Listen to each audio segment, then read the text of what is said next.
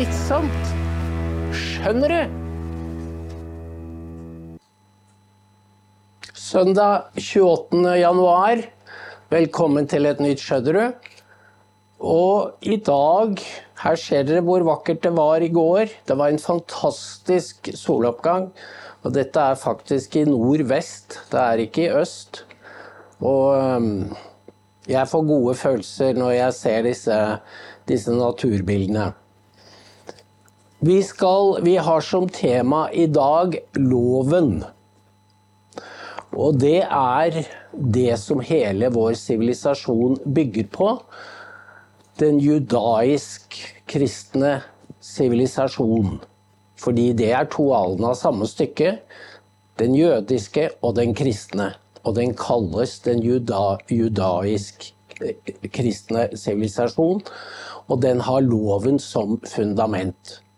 Og loven er jo har både en metafysisk komponent, altså den, det er Gud som er garanten for loven, og den håndheves av mennesker. Og her snakker vi om så fundamentale verdier og pilarer som vårt samfunn hviler på. Jeg er veldig glad og stolt over at Kjell Skartveit og jeg er helt utvikler oss parallelt. Og han hadde en fin kronikk i dag som tåler å bli gjengitt på alle de nordiske språk, og er blitt det. For han sier Vi får stadig høre at demokratiet og rettsstaten trues. Men det er sjelden vi drøfter hvorfor. For det slår meg at dagens elite misliker sannheten. Den er blitt et problem de helst vil unngå. Samtidig som de krever at vi som folk skal vise dem uendelig tillit. Ja, Demokratiet handler om ikke å vise dem mistillit. Her har jo Kjell tatt hull på kampanjen mot det nye Høyre i Europa. Eh, brunbeisingen og utskammingen av eh, Alternativ for Tyskland, som norske medier ikke har noe problemer med. Her tar han akkurat kjernen. Det er de vil ikke si sannheten, og de krever De stiller på en måte et mistillitsvotum til oss hver eneste dag. Som de forlanger at vi skal besvare med akklamasjon.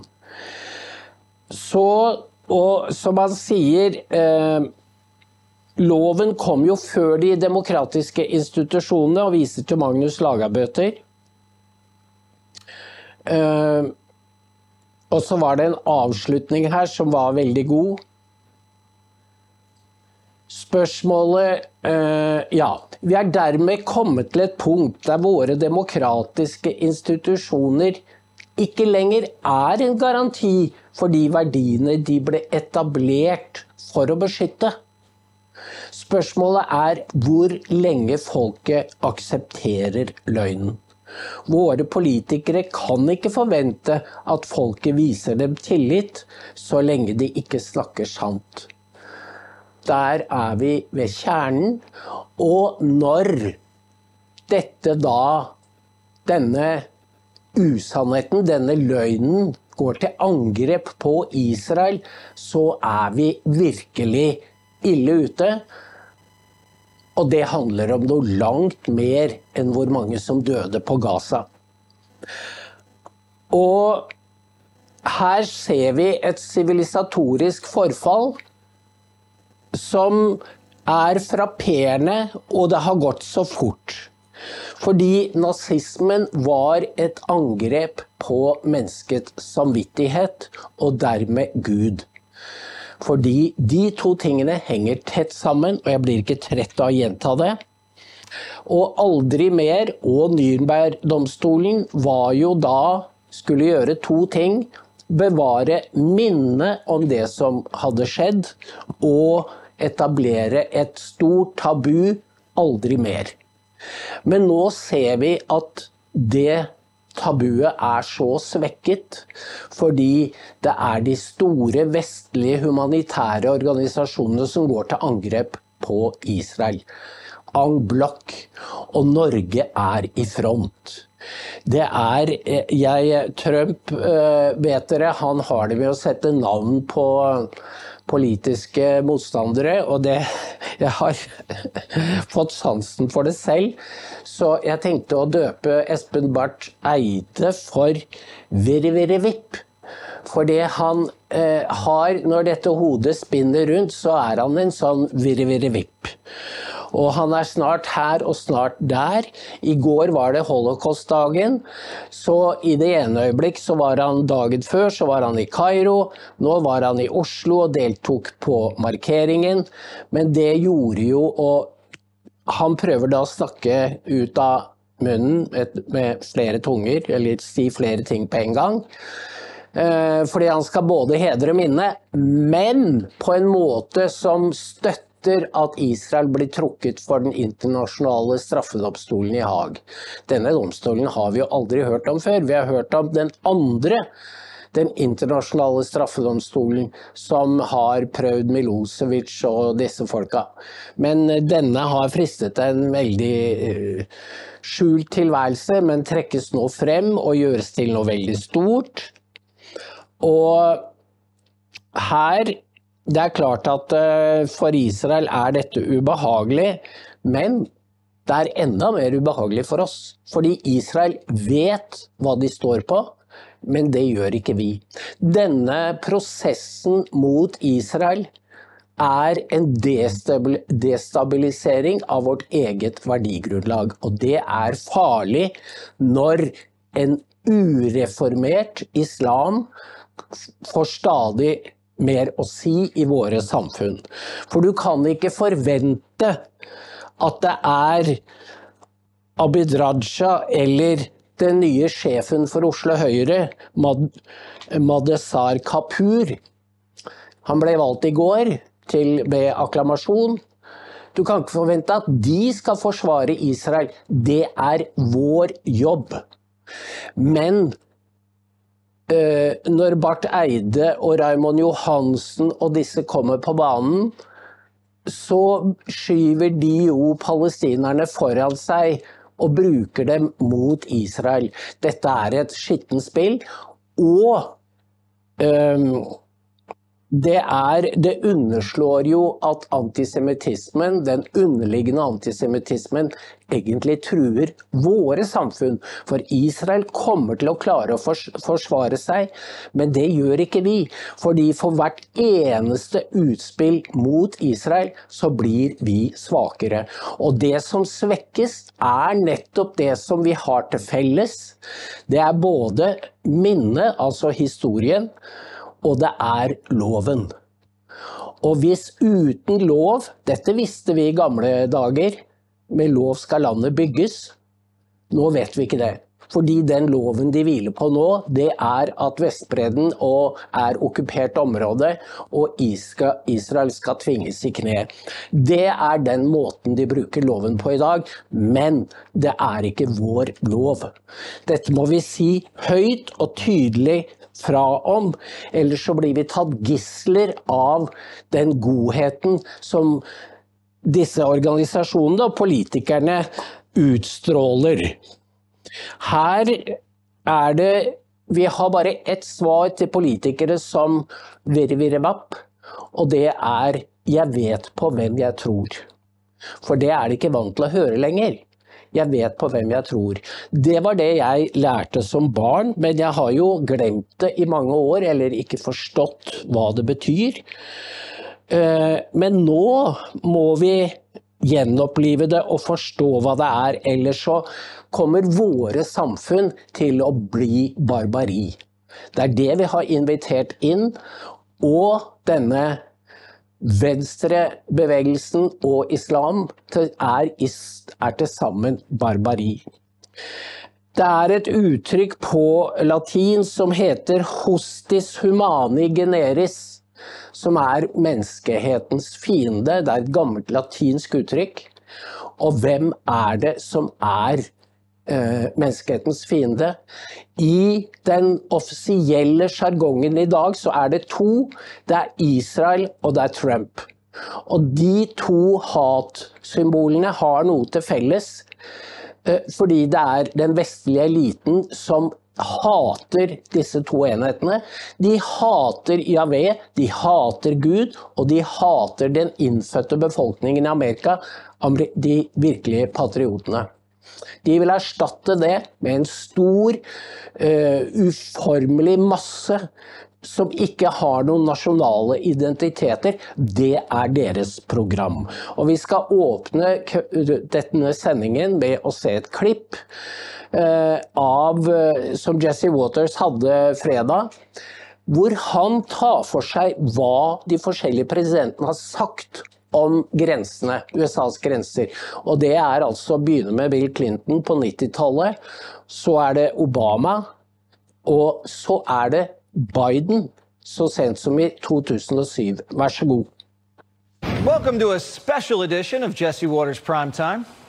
Every great nation has had this in common great walls.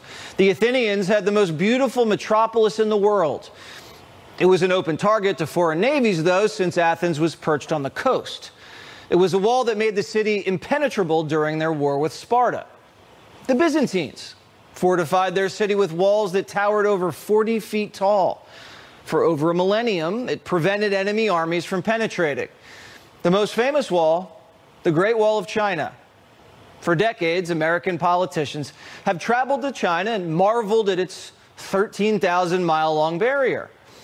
Since America's founding, both parties have protected our border. It is common sense. Everyone inside of America, Republican or Democrat, requires protection.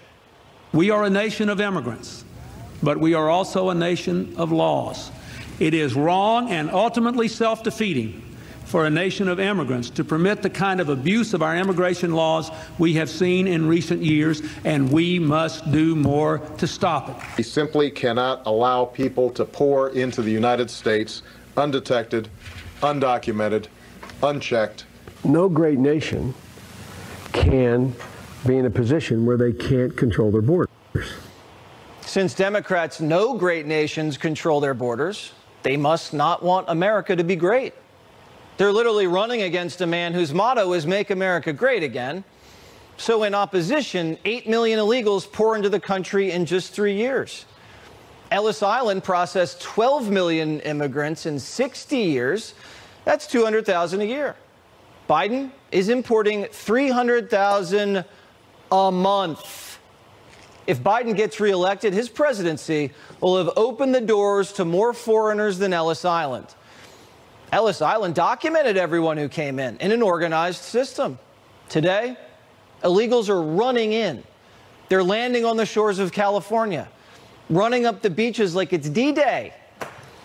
Biden wouldn't let Djokovic enter the country and play in the U.S. Open because he wasn't vaxxed, but lets millions of unskilled, unvaxxed foreigners walk right in.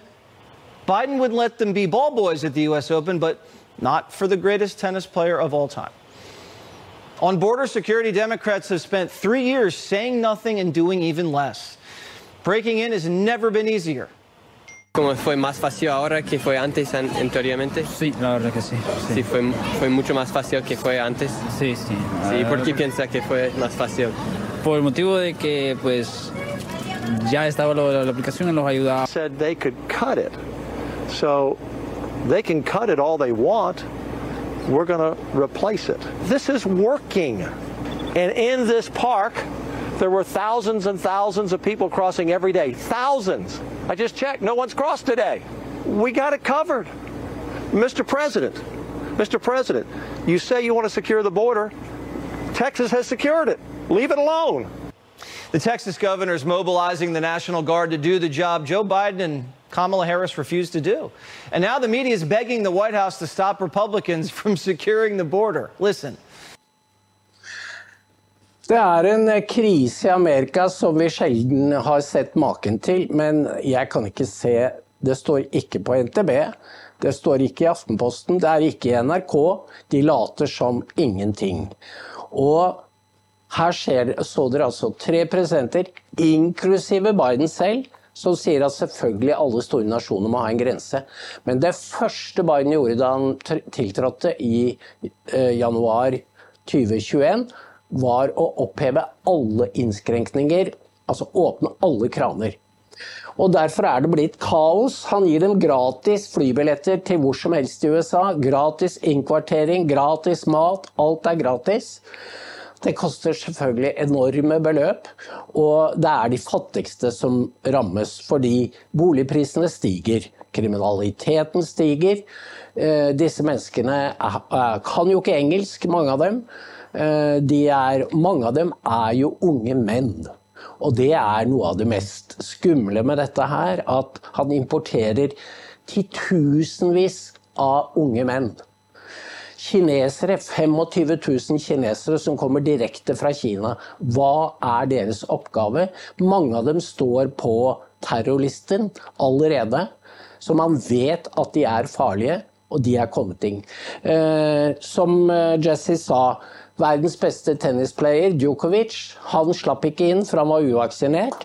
Mens det kommer millioner over grensen i sør som han ikke vet navnet på, kjenner ikke historikken til, ikke helsetilstanden. Og det, dette sender et så sterkt budskap om at Biden driver en invasjon av sitt eget land. Tenk, La det synke inn, fordi det laveste tallet som nevnes her, er 8 millioner. Eh, Laura Ingram sa eh, 12. Og det var det tallet som man prosessuerte gjennom Ellis Island. Du vet, I New York der er det en øy som heter Ellis Island, hvor det var et mottak. Der kom de fra hele fra Europa, Vest-, Øst-Europa, etter hvert fra hele verden. Og over 60 år så tok man inn 12 millioner.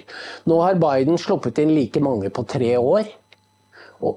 Men forskjellen er at på Ellis Island så ble alle registrert. Man kunne identifisere dem, og de fikk papirer. Mens i Arizona, Texas og California så aner man ikke hvem man har sluppet inn. Og hundretusener har kommet inn uten i det hele tatt å ha vært i nærheten, med, i kontakt med myndigheter. Og da er det Texas med guvernør Greg Abbott som sier nå må det være nok. Så ruller de ut piggtråd som skal sørge for at folk ikke kommer i land. Hva gjør eh, Biden da? Han sier at den skal fjernes innen 24 timer. Fordi grensen skal være åpen. Og det er jo, et, det er jo historisk at en føderal, lederen for en føderal myndighet med makt vil hindre en delstat i å kontrollere den grensen mot omverdenen. Fordi denne invasjonen den truer stabiliteten, ikke bare i Texas. Fått, Greg Abbott har fått støtte fra 25 andre guvernører. Og selv de demokratiske er veldig lavmælte når det gjelder å støtte Biden, fordi dette er en tapersak ved valget til, i november.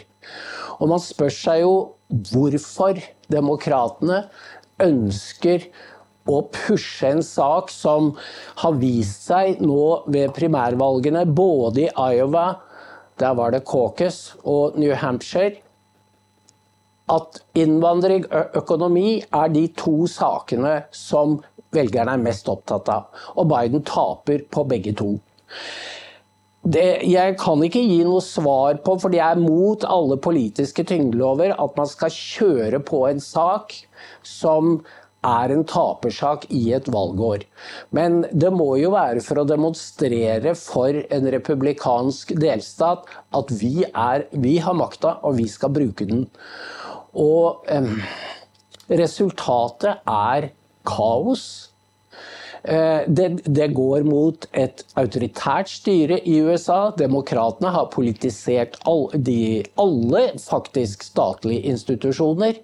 Eh, Trump blir forfulgt og dratt fra rettslokale til rettslokale. Og eh, for å demonstrere nettopp at makten er vilkårlig. Det er som å si vi kan gjøre med deg akkurat som vi vil. Så kan du si at, og jeg hører de sier i Amerika at vi er i ferd med å bli som Europa, og det er ikke et kompliment. For hva betyr det? Jo, det betyr veldig svake stater, øh, få sanksjoner, åpne grenser. Og vi tror jo, fordi vi får så mye propaganda for EU, at det finnes et slags system. At de vil forsvare oss. Hele Schengen-avtalen bygger jo på at EU skal vokte de ytre grensene. Og der har du organisasjonen Frontex, som vi hører skrekkhistorier om, men jeg hadde ikke trodd det var så ille. Denne nederlenderen, Hans Leitens, han ga et intervju til Weltab Songtag hvor han sier at det er bare tull å prøve å stanse flommen av mennesker. De kommer uansett, så det er bare å la dem, å la dem slippe inn. Eh, dette slår jo i stykker den asylavtalen som de har snekret sammen over lang tid. For nå vet jo da både Polen og Ungarn at EU i virkeligheten står for åpne grenser, akkurat som Biden. Og det er skremmende for eh, vanlige mennesker å tenke på, for konsekvensene er uoverskuelige. Mennesker er jo ikke pakker, de kan ikke bare sendes tilbake. Og hvis noen skulle få den ideen å sende noen tilbake, og det finnes det jo lovlig grunnlag for, f.eks. alle de som begår grusomme forbrytelser og ikke er borgere. De er det jo en smal sak lovlig sett å sende tilbake. Men de blir jo ikke mottatt. Og det hører jeg politifolk si. De står på flyplassen og diskuterer om ikke myndighetene vil ta de tilbake. Det er meget enkelt å få det til. Man trenger ikke finne på noen Rwanda-løsninger. Det er bare å si til disse landene dere får ikke fem øre i bistand. Men eh, våre myndigheter og EU de sier det stikk motsatte. Hvor mye skal dere ha? Det er det de sier. Og nå har Mexico begynt å stille krav til USA. Vi skal ha 6 eh, milliarder dollar for i det hele tatt å vurdere tiltak. Fordi Mexico er eh, De er jo veldig sårbare. De mottar jeg tror det er noe sånt som 40 milliarder dollar i året fra meksikanere i USA. Så det er de som er sårbare, men Biden gjør seg svak. Det er da Biden, EU, eh, e åpne grenser, og så får du som tredje hjul på denne eh, vogna FN. Fordi og man tror ikke sine egne øyne. Det er FN som finansierer mye av trafikken som kommer til USA. Vær så god.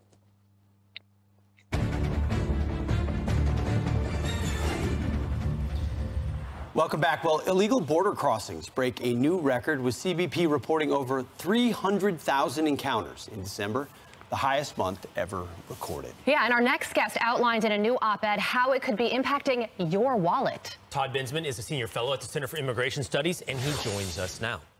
Todd, tell us how this crisis, which is a crisis that has been acknowledged almost by everyone except for the President of the United States, affects everyone's wallet. Well, for one thing, they're not just coming here on their own dime.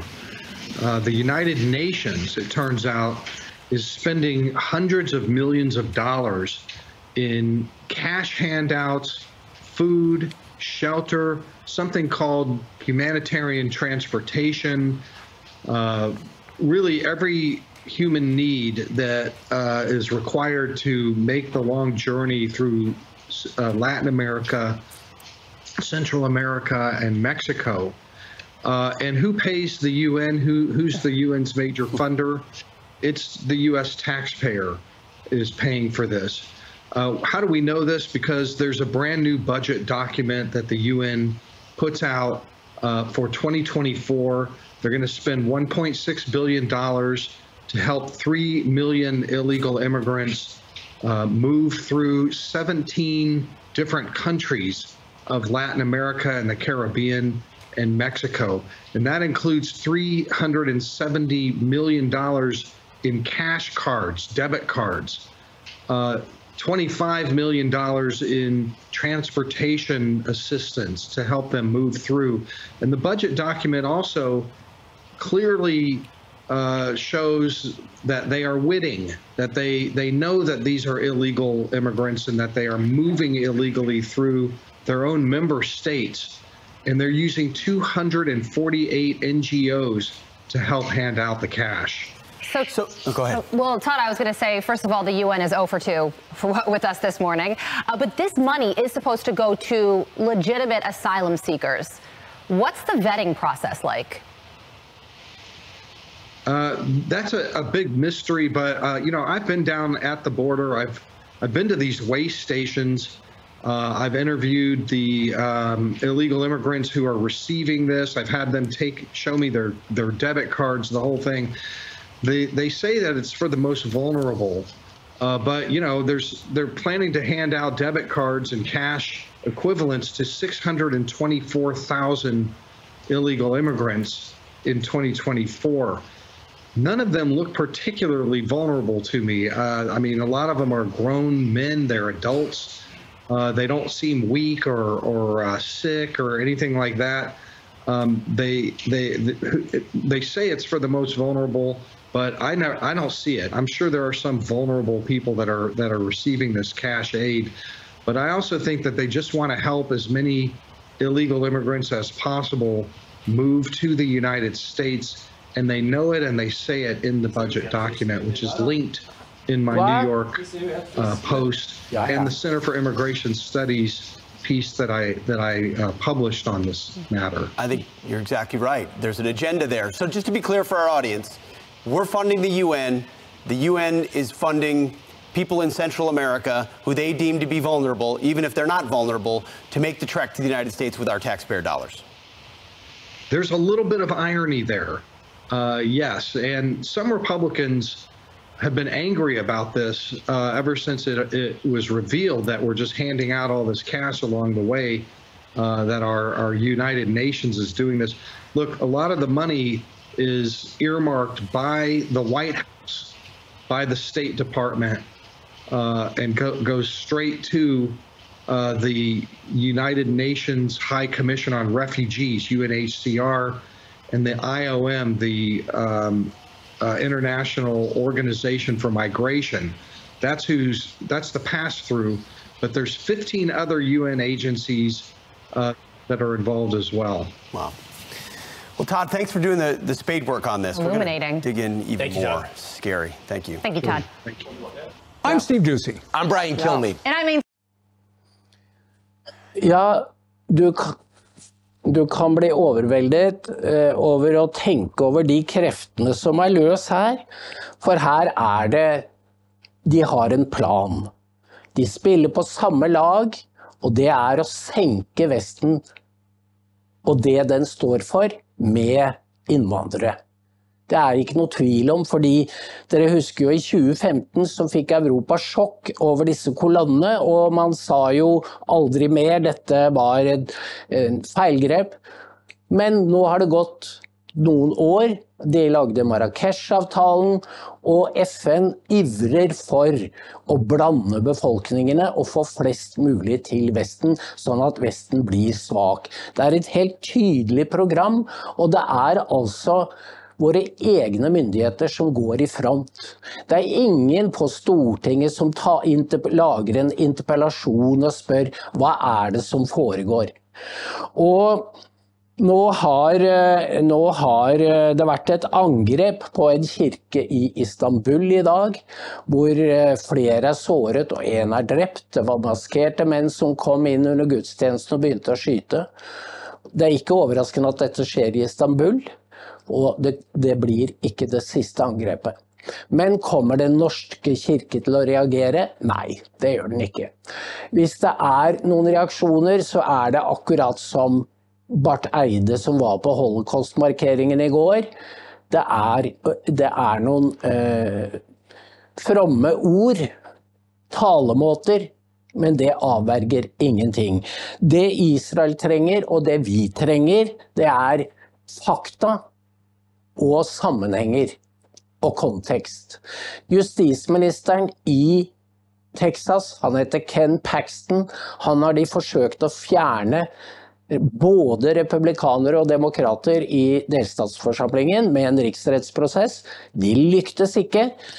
Og han sa til uh, Var det Var det um, Ja, never mind. Jeg tror det var Tucker i natt. At Biden har jobber sammen Eller det var Paxton som sa Eh, kartellene finnes nå i alle 50 delstater og jobber med Biden-regimet. Der har du scenarioet for fremtiden, sånn at det er masse organisasjoner som jobber mot Trump, og som vil arbeide for å ødelegge hans presidenttid hvis han skulle bli valgt igjen, slik som de gjorde i første periode. Men nå er det ikke bare disse muldvarpene innenfor systemet, nå er det også kriminelle organisasjoner. Så korrupt er demokratene blitt at de jobber med kriminelle karteller. For de har jo, Biden har jo solgt seg til Kina. Og Ehm, de fors mediene forsvarer han, de vil ikke at sannheten skal komme for en dag. Og da er vi inne på det som eh, Kjell skrev, at når løgnen blir så manifest som den er blitt i våre samfunn.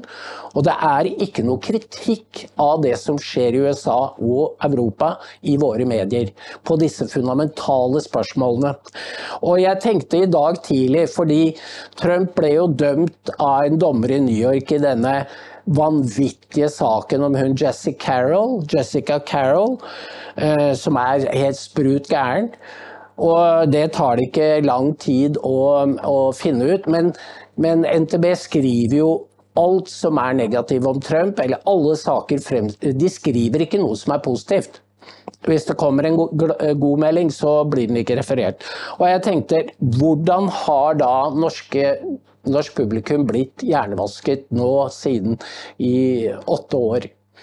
Og eh, da vil jeg bruke en lignelse, eh, fordi vi kjenner jo godt til i Norge nabokrangler.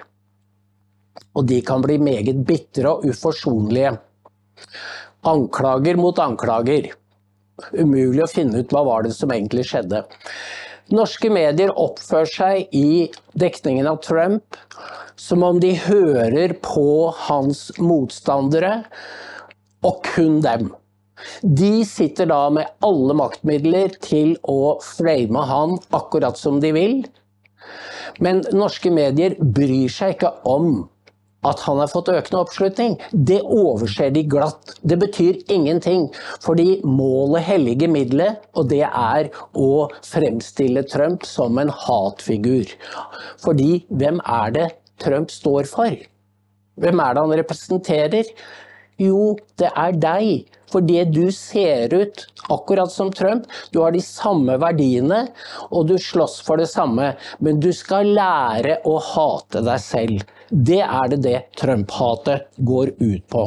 Så vil jeg avslutte med eh, to, de to siste versene i Alltid freidig, for da blir jeg i godt humør. Aldri redd for mørkets makt, stjernene vil lyse. Med et Fader vår i pakt skal du aldri gyse. Kjemp for alt hva du har kjært, dø om så det gjelder. Da er livet ei så svært, døden ikke heller. Takk for i dag, kjære seere. Ha en god søndag kveld.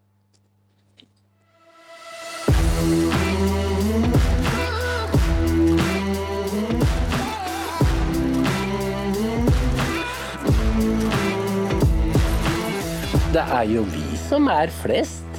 Skjønner du?